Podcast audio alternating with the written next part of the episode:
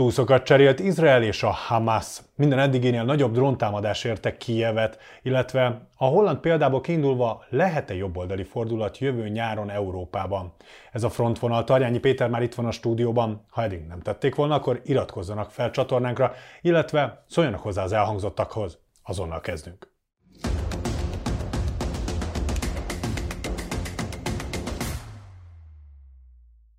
Szia Péter, köszöntelek itt a Én stúdióban.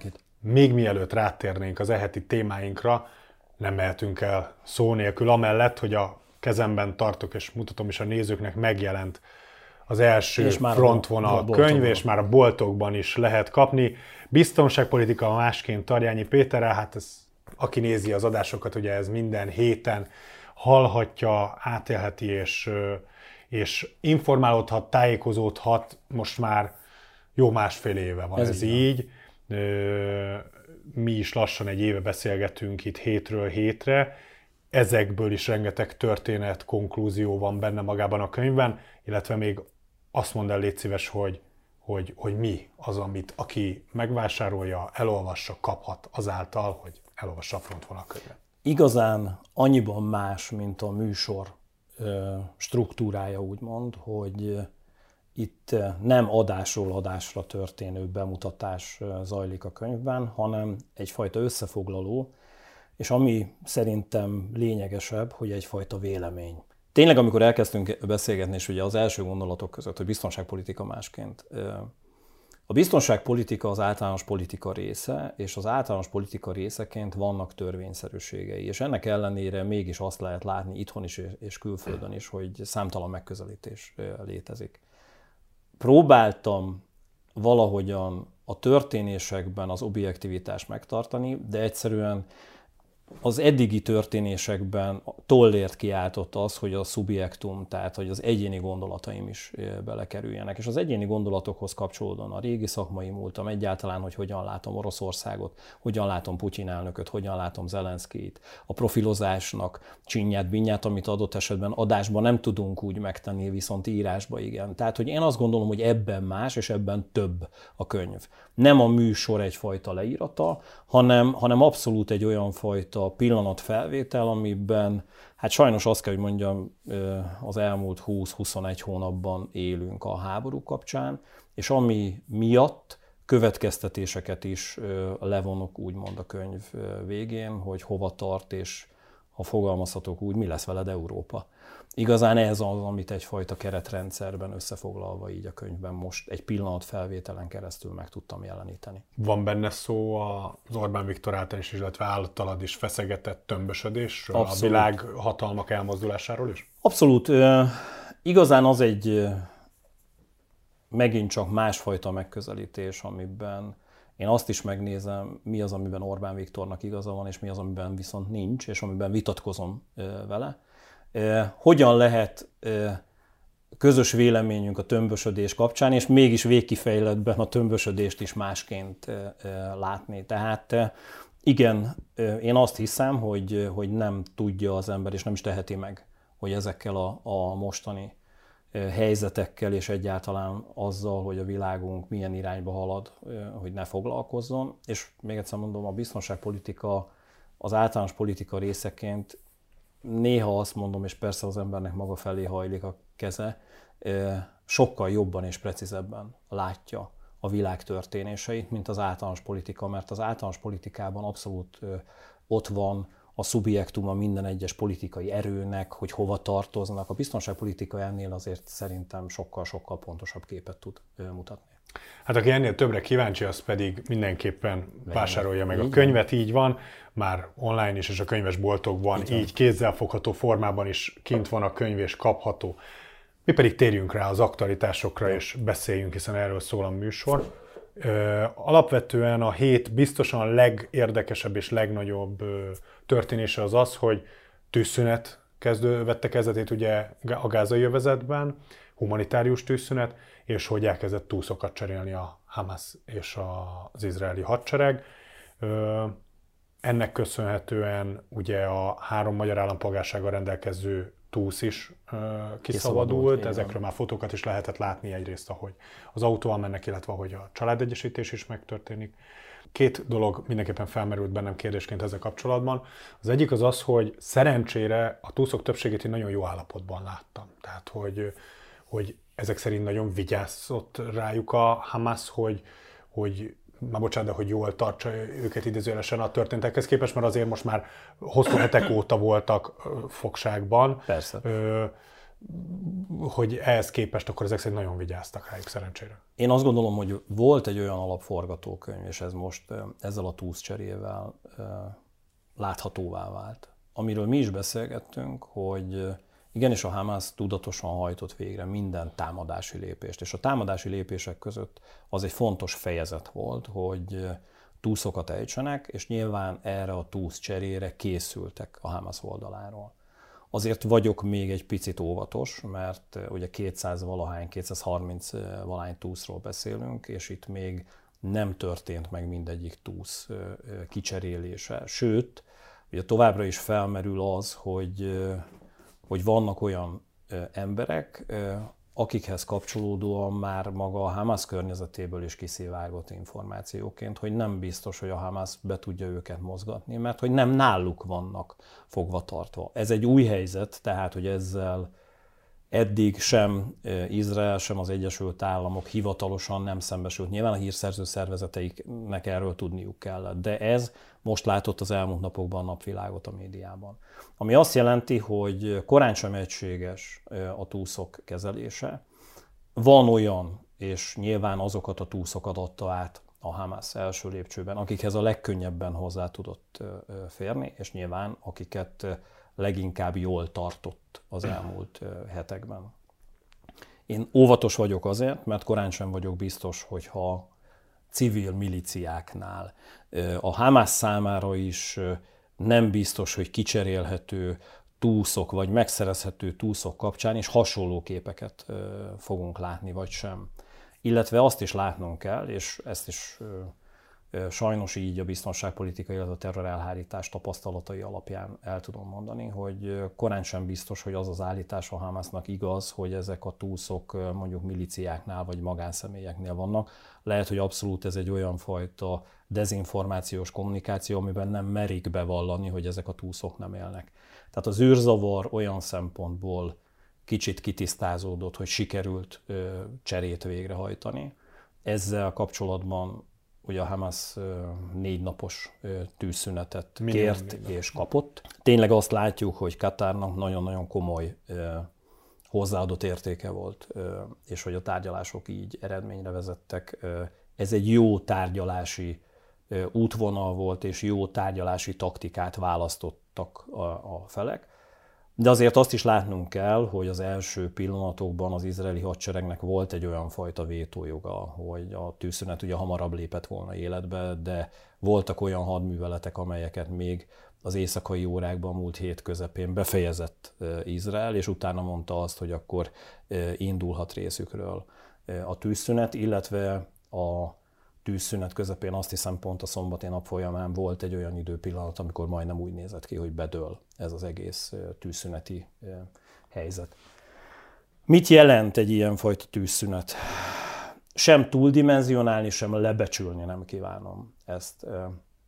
A túldimenzionálás általában abból fakad, hogy egy ilyen hurrá optimizmus mentén elkezdenek arról beszélni elemzők vagy politikusok, hogy rendben van minden, és visszatért a józan hang a felek közé. Én ezt egyáltalán nem gondolom. Tehát ö, úgy hiszem, Csongor, hogy letelik a négy napos tűzszünet, mindkét fél valójában a tűzszünetet arra használta föl, hogy egyre több információt szerezzen meg, vagy adott esetben tartalékokhoz jusson. A tartalékokhoz jutás elsősorban én azt mondom, hogy a Hamasra jellemző, az információkhoz jutás elsősorban az izraeli hadseregre jellemző, hiszen a túszok kikérdezésén keresztül számtalan olyan részinformációhoz hozzá tudnak jutni az izraeli hírszerzők, amit a hadsereg pillanatok alatt megkap, és ezeken keresztül pontosabb információkat tudnak szerezni arról, hogy hol rejtőzhettek el valójában a, a túszok, mely térségekben lehet még valaki, és ezeket a térségeket lehet átkutatni, támadni, felderíteni, tehát számtalan katonai hadműveletet végrehajtani. Tehát én azt gondolom, hogy ez, ez a, a realista. De le, lebecsülni sem szeretném. Tehát amikor egyszerűen csak legyintünk, és azt mondjuk, hogy, hogy valójában emögött egy ilyenfajta hátsó, másodlagos szándék volt a Hamas oldaláról, amit előbb említettem, hogy tartalékokhoz jusson, Izrael pedig felderítési adatokhoz. Én azért ezt komoly eredménynek, tehát komoly tárgyalási eredménynek tartom, és nem is elsősorban a Hamas és Izrael vonatkozásában, hanem az öböl országok, az arab országok tekintetében, Törökország tekintetében, hogy igenis ezt föl lehet mutatni, és azokat az indulatokat úgymond csitítani lehet, ami arról szól, hogy itt két elszabadult erő csap egymásnak. És harmadik részből, vagy részben jó lenne, hogyha az európai média is ezt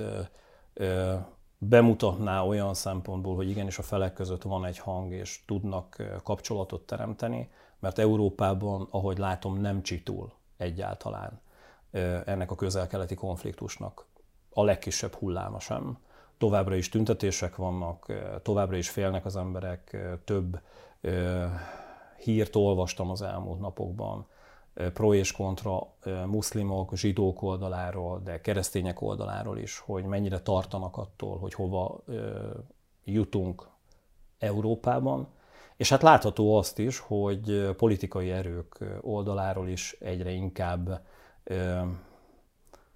látják azt a lehetőséget, különösen a szélsőségesek, hogy erre a hullámra, most nevezük így, föl lehet pattanni. És most itt egyébként nem Hollandiára gondolok, hanem mondjuk azokra a zavargásokra, amit Dublinban láthattunk, ahol olyan összecsapást élt meg a város, amire nagyon-nagyon hosszú-hosszú évek óta nem volt példa, ahol azt is lehetett látni, hogy az ultra szélsőségesek hogyan ugranak rá egy helyzetre, amiben még korán sem volt tisztázva, hogy ténylegesen úgy történt-e a támadás, mint ami a városban pillanatok alatt elterjedt. Ugye itt arról van szó, hogy gyerekekre támadt egy férfi, és megsebesült súlyosan több gyerek, illetve egy nevelő. És azonnal a, a, a migrációt hozták föl negatív példaként, miközben például az, aki a gyerekek érdekében lépéseket tett, ugye egy, egy ételfutár, ő is bevándorló, tehát azt látom, hogy, hogy forr a világunk, és minden egyes történés adott esetben Európától vagy európai városoktól több ezer kilométerre Izrael és a Hamász között hullámokat vet és azonnal jelzéseket és lépéseket hoz. Van-e annak reális esélye, hogy még vannak jó állapotban lévő túszok a Hamas kezében, és ami még fontosabb kérdés, hogy mi lesz akkor, hogyha ezek a túszok elfogynak, mi, mi, mi, mi marad a Hamas kezében abban a pillanatban? A legértékesebb túszokat szerintem még nem adta át a, a Hamas. A legértékesebb túszok között például katonákra gondolok, tehát akikkel, akikkel kapcsolatban felmerült az, hogy elrabolták őket. Nem biztos, hogy élnek, tehát nem tudom, de a legértékesebb túszok mindig az ilyen szinten, vagy ilyen területről érkezett, vagy elfogott személyek. Most a legegyszerűbb lépést tette a Hamas. De még egyszer mondom, ezzel nem lebecsülni akarom a tárgyalásokat. Azoktól, a túszoktól, szabadultak meg, és ezt idézőjelbe, tehát négyszer aláhúzom, hogy, hogy nem bántó szándékkal mondom. Azokat adták át? Azokat adták át, igen. Akik számukra fogvatartási szempontból a legnagyobb nehézséget jelentik. A legnagyobb nehézséget, hát apuka vagy, pontosan tudod, hogy kisgyerekkel, egy kisgyerekkel foglalkozni kell. Egy kisgyereket nem tudsz beállítani úgy a sarokba. Idős ember kapcsán ugyancsak ez van hogy el kell látni, gyógyszereket kell biztosítani, felmerül az a lehetőség, hogy egy pillanat alatt valamitől rosszul van.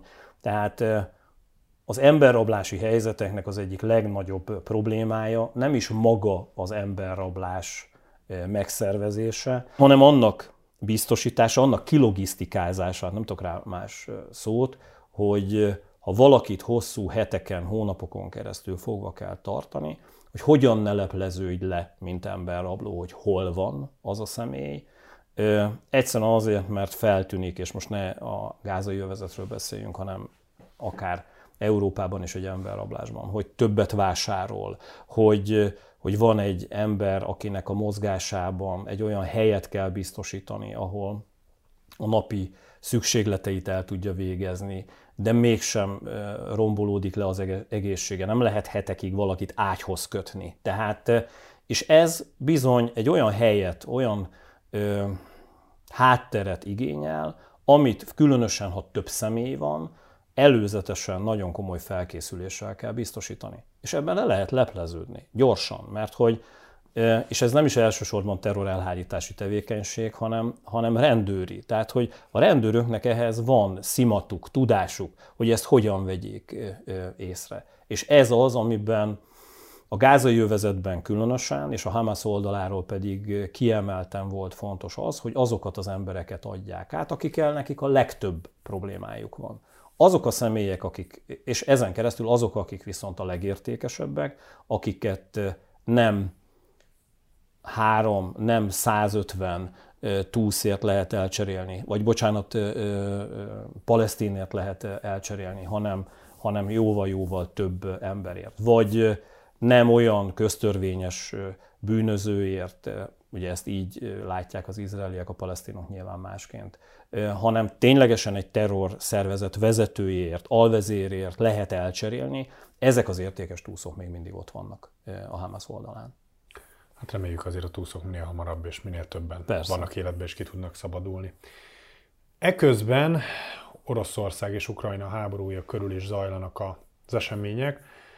Az egyik legérdekesebb hír az volt talán, hogy Igor Girkin bejelentette, hogy jövőre elindul az orosz elnök választáson. Ennek már valami kampányplakátját is nyilvánosságra hozta a közösségi oldalakon. Nekem mindig, amikor az orosz választásban ellenfelet kap Vladimir Putyin, akkor felmerül azért a kérdés bennem, hogy ez a rendszernek a, a saját gerjesztett jelöltje, hogy, hogy ne lehessen ráhúzni, hogy már pedig ő egyedül van és nincs ellenfele, vagy pedig tényleg van valaki, aki azt hiszi, hogy ő, ameddig van Vladimir Putyin, addig legyőzheti őt választások keretében. Kötve hiszem, hogy Igor Girkin tiszt, azzal ne lenne tisztában, hogy azon keresztül, hogy ő egyébként pont most börtönben van, neki bármilyen esélye a lenne Oroszország elnökének legyőzésében választás útján. Ez egyfajta olyan fricska a Krem kommunikációja irányába, amit úgy érzett, hogy megtehet, és igazán egyre inkább azt látom, hogy több olyan személy, ő is ilyen például, van Oroszországban, akik mindent egy lapra feltéve, és nem a választás eredményében bízva, hanem egy-egy ilyenfajta kommunikációs segélykiáltással, vagy valamilyen fajta üvöltéssel úgymond a kommunikációs térben akarják jelezni azt, hogy valami nincs rendben. Az, hogy ő ténylegesen ellenzéke lenne Putyinnak, én ezt kellő távolságtartással kezelem, egyszerűen azért, mert nagyon sokáig egyetértett eh, Putyin politikájával. Hát talán ha valaki, akkor ő még nacionalistább, hát, még ne? Putyinnál is, tehát hogy Így onnan van. kapna ellenzéket Putyin, ahonnan Így aztán van. változást tehát, nem mérne. Eh, nem tennék egyenlőségjelet Girkin és mondjuk Navalnyi között. Tehát, hogy mind a kettő ellenzéki. Navalnyi kapcsán ténylegesen lehet arról beszélni, hogy összeszerveződött egy orosz ellenzék, úgy gondolták, hogy változásokat tudnak hozni, és maga az orosz hatalom is, és Putyin hatalmi gépezete is úgy látta, hogy ezek az emberek veszélyesek. Hát ezért, ezért kapott Novicsokot, ezért került börtönbe, és ezért van az, hogy például már az ügyvédei is börtönben vannak. Nem egyszerű ellenzékének lenni Oroszországban, ez nagyon sok esetben rövid életet is jelent. Másrészt ténylegesen, tehát ez a, ez a normál ellenzék, illetve ez a kommunikációs segélykiáltás. És van a harmadik téma, amit te feszegetsz, hogy hát, hogy föltűnnek emberek, tehát, hogy tényleg ciki, hogyha a vezetőt egy demokratikus országban, ahogy ők magukat mondják, egyébként Oroszország nem demokratikus ország, nem hívja ki valaki, és majd, hogy nem így egyszerűen csak besétál, és nincs tétje valójában a, a választásoknak. Vladimir Putyin hatalomban történő megjelenésének első lépéseinél a normál választás az a fajta helyzet, amiben a, a szavazók egy tiszta kép alapján tudnak dönteni, sohasem volt igaz. Tehát, hogyha visszaemlékszel, 90-es évek, amikor ő fölbukkant, amikor Boris Jelcin bedobta a, a hatalmi, kommunikációs és katonai, politikai térbe az ő nevét, eh, hozzá kapcsolódóan rögtön olyan merényletek történtek Oroszország területén, amin keresztül a semmiből jövő, a, a közvéleménykutatásokban egyszerűen nem lehetett őt mérni egyáltalán.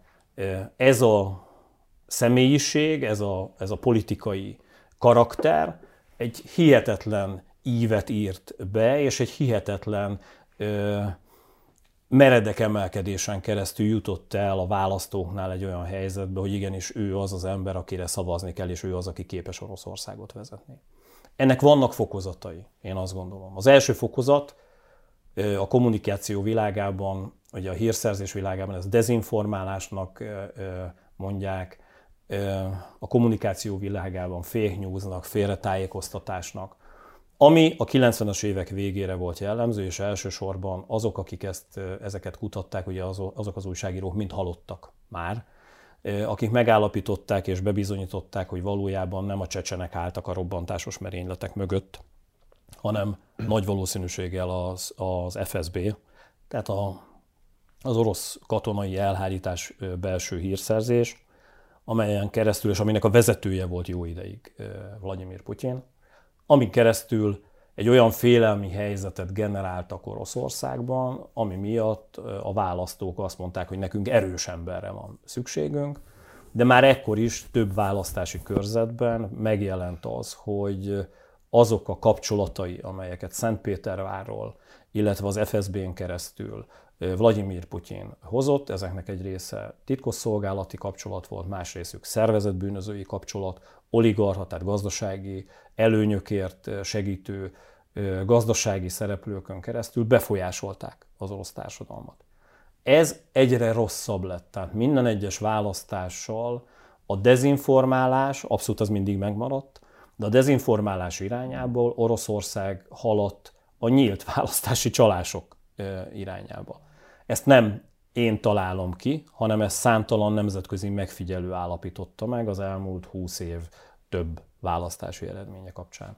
Úgyhogy egy mondatban, ha válaszolhatok a kérdésedre, valójában én azt gondolom Vladimir Putyinnak a választások miatt, a szavazatok miatt nincs félnivalója Oroszországban, mert vagy így, vagy úgy, ő lesz az orosz elnök.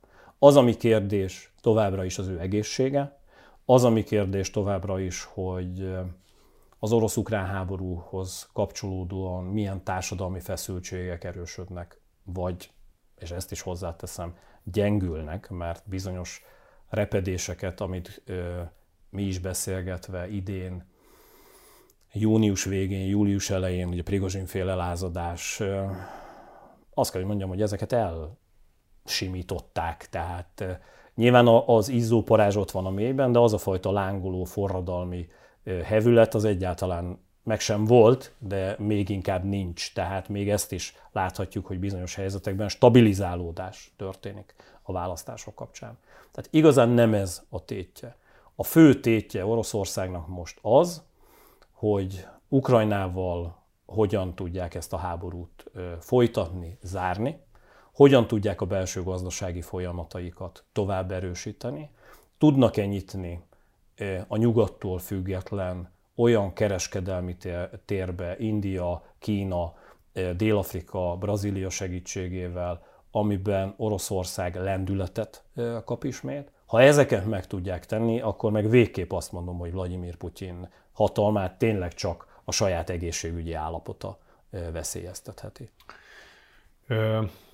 És közben meg zajlik a háború ugye folyamatosan. Így van. Ugye azok a hírek láttak napvilágot, hogy, hogy az eddigi legnagyobb dróntámadás érte Kijevet a napokban, de közben meg az ukránok is azért értek el némi sikert a frontvonalakon. Először a dróntámadást vegyük alapul, itt ugye iráni drónokról van Igen, szó, hogyha jól, Sáhed drónokról van szó. Miért pont most? mm, és, és milyen eredmény tudnak ezzel elérni az oroszok, mert különösebben nagy pusztítást azért nem okoztak vele. Vegyesebben a kép. Tehát, hogy egyrészt társadalmi szempontból az a fajta fárasztás, amit innen Budapestről mi nem látunk, hogy ténylegesen egy háborúban álló társadalom napról napra a légi támadásoktól, a, a légvédelmi szirénáktól, az, hogy mindig történik valami, hogy nem tudod normálisan élni az életedet. Tehát, hogy ebben azért fárad a társadalom. Eközben érkeznek azok a hírek, hogy valójában a frontszakaszok állnak, de sebesültek, halottak, családok oldaláról nap mint nap ilyen értesítések megjelennek, tehát hogy ez egy, ez egy borzasztó helyzet. Ezt a fajta nyomásgyakorlást és egy kicsit ilyen plastikus képet, tehát mint hogyha birkózna két, vagy küzdene két erő, és, és ebben Oroszország folyamatosan Ukrajna nyakán tartja a kezét, hogy, és, és állandóan szorítja, azért, hogy azt érezze Ukrajna, hogy, hogy ez a fajta nyomás nem csitul a mindennapokban. Ennek elsősorban egyébként a bevezető részében, és ezért persze a médiában én is láttam ezt, hogy az eddigi legnagyobb dróntámadás történt, az eddigi legnagyobb, de ennél lesz nagyobb, mert hogy az elkövetkező hetekben, hónapokban visszatér Oroszország ahhoz a stratégiához, amiben az energetikai infrastruktúrát, a kritikus infrastruktúrát, az áramellátást, a vízellátást, tehát egyáltalán azt, amin keresztül egy ország működni tud, és amiben a polgárok azt érzik, hogy azért a mindennapjaik rendben vannak, ezt próbálja tönkretenni eh, Oroszország. Ne felejtsük el azt, eh, mai információ, ugye hétfő van, hogy, eh, hogy beköszöntött a tél Ukrajnába, ott hideg van, tehát hogy ott tényleg súlyos mínuszokkal köszönt be.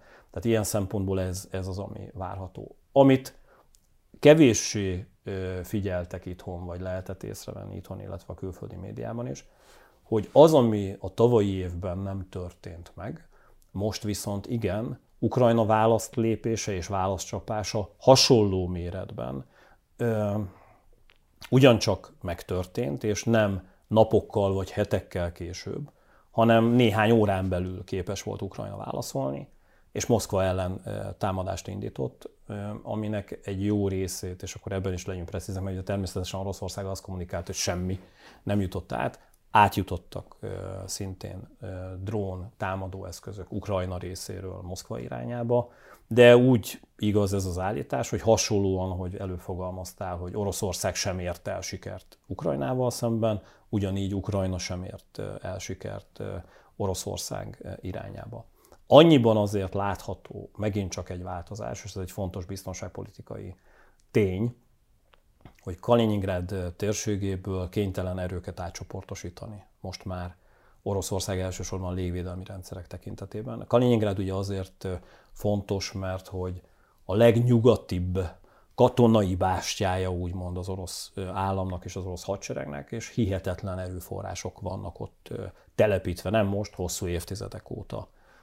És a legkorszerűbb fegyverrendszereket elsők között kapta meg mindig az a, az a terület. Az, hogy abból a, az első lépcsős haderőből ilyen mennyiségű S-400-as légvédelmi rendszereket kénytelen átirányítani Oroszország belső területeire Moszkva, az azt mutatja, hogy igenis ez a fajta ukrán ellen támadás és ezek a fajta drón visszacsapások, ellencsapások működnek és fájnak Oroszországnak. Ezt sem akarom túldimenzionálni. Nem jelenti azt, hogy Oroszország légvédelmi rendszere letérdelt volna, vagy védekezésre képtelen lenne, de belső átcsoportosításokat kell végrehajtani. Az, amit látok most a háború vonatkozásában, hogy az nagyon kritikus az elkövetkező hetekben, hogy egyrészt Ukrajna megkapja-e az utánpótlásokat, képes lesz-e ilyen mértékben azonnal egyfajta ilyen hang-víz-hang elfként, hogy Oroszország a hang, tehát végrehajt egy támadást, és rá pár percre, pár órára egy ugyanolyan mértékű víz, vízhang ellentámadást végrehajtani, vagy nem, mert mondjuk az erőforrások elfogynak, és ezek bizonyos ideig még egyfajta ellentámadási lehetőséget biztosítanak, de mondjuk karácsony vagy január elejére Ukrajna védekezés képtelen lesz, és ezek a Shahed drónok és ezek az irányított rakéták, cirkáló rakéták majd, hogy nem egy védekezésre képtelen Ukrajnának a légterén keresztül jutnak át. Ezért lényeges az, hogy múlt héten, és hogyha egyfajta ilyen rövid elemzést még tehetek, a legfontosabb ukrán kommunikáció, tehát végignéztem, hogy mit kérnek, és tíz esetben legalább 6-7-szer az első gondolatok között a légvédelmi rendszerek szerepeltek. Tehát, Ugye a Gabona kapcsán is ezt vetette így van. Zelenszky. Tehát beszélnek sok mindenről, de ahogy figyelhetted, hogy nyáron fontos volt a harckocsik, az F-16-osok, most a legfontosabb kommunikációs hangsúly a légvédelmi rendszereken van, és azt akarják biztosítani az ukránok ezzel, hogy ez a fajta légi fölény, ami eddig nem tudott kialakulni, nehogy kialakuljon az elkövetkező hetekben. Ha légi fölénye van, és most ne Oroszországról beszéljünk, bármilyen fajta háborúban, vagy ilyenfajta támadáshoz kapcsolódó légifölény, ami nem csak repülőgépekkel érhető ma már el, hanem ilyenfajta drónos és cirkáló rakétás támadó eszközökkel egy országnak, akkor az egy hihetetlen nagy lépést tesz egy konfliktus győztes lezárása irányába. Egy másik érdekesség a háborúktól elrugaszkodva, ugye hát a Benelux államok azok mindig is bástyái voltak a liberális gondolkodásnak. Így van. És ezért még inkább érdekes az, hogy Hollandiában most egy olyan olyan párt, vagy egy olyan, egy olyan szövetség tud kormányt alakítani, akik erősen jobboldali, mutatni nacionalista gondolkodásúak. És, és ez egyfajta fordulat, Hollandiában mindenképpen, de hát jövő tavasszal egész Európában európai parlamenti választások lesznek, és mindenképpen érdekes az, hogy az, hogyha az egyik legliberálisabb gondolkodású közegben Európán belül jobboldali változás állhat be, ez lehet egy, egy előjelzés arra, hogy igenis valami készülődik, valami történni fog itt a következő fél évben Európa szerte. Nézd, az, hogy valami készülődik, ez biztos, mert az, hogy Hollandia, és ebben nincs köztünk vita, az egyik legliberálisabb gondolkodású és működésű ország volt eddig, ebben szerintem nincs vita köztünk. Az, hogy itt jobboldali vagy szélső jobboldali előretörésről beszélünk, én ezt inkább szélsőségesnek gondolom. Én megpróbáltam finoman Jó. Számomra három dolog megdöbbentő. Egyrészt az, hogy a liberális gondolkodásban mennyire nincsen tetten érhető az a fajta normál realitásérzék, amiben egyszerűen fölismernék azt, hogy bizonyos folyamatok egy társadalomban megváltoznak. Igazán azt lehet látni, hogy Hollandiában nem vették komolyan ezeket az erőket. És nem csak Hollandiában, hogyha visszapörgeted egy kicsit az időt, nyilván nem egy-két évvel, de mondjuk jó tíz évvel, vagy 15 évvel ezelőtt, Németország vonatkozásában, azok a reflexek, amiben azt gondolta a világ, és maga a Németország is, és a német politikai elit is, hogy a második világháború után a szélsőséges nézetek elutasítása olyan mély gyökereket vert a német társadalom, hogy most nem azt mondom, hogy itt soha nem tud ez visszatérni, de hogy ilyen erővel néhány évtized múltán így megjelenjen, erre mindenki megvonta a vállát. És egyszer csak azt láthattuk, hogy igenis ezek az erők ott is megerősödtek.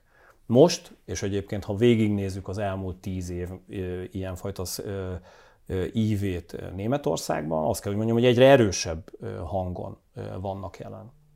Ez az, amit például nagyon sok esetben, én ezért szoktam úgy fogalmazni, hogy a liberálisok így magukhoz ölelik a világot, és azt gondolják, hogy, hogy azon keresztül, hogy ők szeretik a világot, a világ is szereti őket. Tehát, hogy egyszerűen van egy olyan fajta realitás érzék elvesztés, amiben ők egyfajta más, rózsaszínebb világot látnak, és ezeket a folyamatokat nem, nem érzékelik. A másik oldalról azt is látnunk kell, és azért gondolom, hogy erősödni fognak ezek a, a megnyilvánulások, és ezt most Hollandiától lépjünk el. Csak ha nézem Nagy-Britanniát. Nézd, a szélsőségeseknek nincs nehéz dolguk. Ránéznek egy olyan fajta felvonulásra, ahol közel százezer ember arról beszél, és olyan transzparenseket, akár az Alkaida jelképeit, az iszlám állam terrorszervezet jelképeivel vonulnak London utcáin, amit lehet, hogy a politikai jellemzők azt mondják, hogy hát ezek ilyen tréfáskedvű fiatalok, és valójában ezt nem gondolják komolyan. De kommunikációs szempontból ez egy nagyon Miről beszélünk? Érted? Te otthon ülsz a tévéd előtt, és azzal vagy tisztában, hogy három évvel ezelőtt, nyolc évvel ezelőtt ez elképzelhetetlen lett volna. Innentől kezdve, és itt van egy nagyon-nagyon komoly probléma, amit a szélsőséges gondolkodású politikusok, vagy akár a szélső jobb is gyakran kihasznál, hogy az emberekben a biztonságérzet, az, amikor te ezt látod a tévéképernyődön keresztül, kivált egy olyan helyzetet, amiben azt mondod, hogy tudom, hogy a szélsőségesek a szabadsághoz másként állnak, sőt, adott esetben korlátozni akarják, de ezt azért teszik, mert hogy az én érdekemben van, és egy picit hagyjuk ezt a fajta korlátozást, mert ezeket az alkaidás zászlós ö, embereket így lehet megfogni, de majd ezt visszaveszünk. Na ez, ez egy alapvető tévedés. Tehát ez az, amiben szerintem Európa annak idején a náci Németország kapcsán ezt megtanulta, de előbb beszélgetünk az orosz választásoknál. Nézd meg, a 90-es években meggyőződésem, hogy az orosz társadalom nagy része nem gondolta volna azt, hogy ilyen nyíltan lehet választásokat elcsalni. Ma már ez természetes. Tehát amikor a, a devianciát, vagy a politikai e, ilyenfajta megoldásokat, manipulációkat egy társadalom elkezdi megszokni, és elkezdi megengedni, ezek milliméterről milliméterre történnek, de amikor ránézel és eltelik tíz év, ott már nem milliméterekről beszélünk, hanem súlyos méterekről. Tehát ezzel van ö, ö, problémám. Ez nyilván nem politológus megközelítés, ez biztonságpolitikai megközelítés, és ezért mondom azt, hogy ezeket az irányvonalakat azok a politikai stratégák, akik ezeket irányítják, így látják és használni fogják. És itt jön be egy olyan rész, amit egy politológus, társadalomtudományokkal foglalkozó szakember nem lát, ez pedig a tömbösödés, a hírszerzési rendszerek, az olyan szervezeteknek a világa, akik és amelyek ezek erre ráülnek, és ezt segítik. Oroszországnak fontos az, hogy ne legyen egységes Európa. Fontos az, hogy mondjuk Hollandia kormányzata, amelyik ezelőtt egy hónappal még arról beszélt, és mi is említettük, hogy két milliárd euróval beszáll az ukrán háborúba, most nagy valószínűséggel nem fog egy petákkal hát sem. Hát nehéz elképzelni. Igen. igen, mert hogy új kormányzat van, ez jó Oroszországnak? Hát hogy ne lenne jó. Vajon az fontos Kínának, hogy egy olyan országgal legyen kapcsolata, amelyik eddig rendszeresen Kína ö, nyílt háborús törekvései ellen föllépett, hogy találjon egy külön hangot, egy külön utas, valami olyan megállapodás, hogy jó, jó, jó, van ez az EU, de mindig vannak az EU-n belül olyan országok, akikkel külön lehet boltolni. Ez az egységet aláássa, és ezeknek az országoknak vannak olyan szervezetei, amelyek ezt napi szinten művelik azért, hogy ez így működjön. És itt van, amikor az én fejemben úgymond a légvédelmi sziréna megszólal, és azt mondja, hogy ezzel baj lehet. Ezért gondolom azt, hogy a jövő évi választásokban ezek az erők még inkább jelen lesznek, és ezért látom azt, és ezért félek is attól, hogy a jövő évben, 2024-ben ezzel kapcsolatban mit tapasztalunk. Köszönöm Péter, hogy ezen a héten is voltál.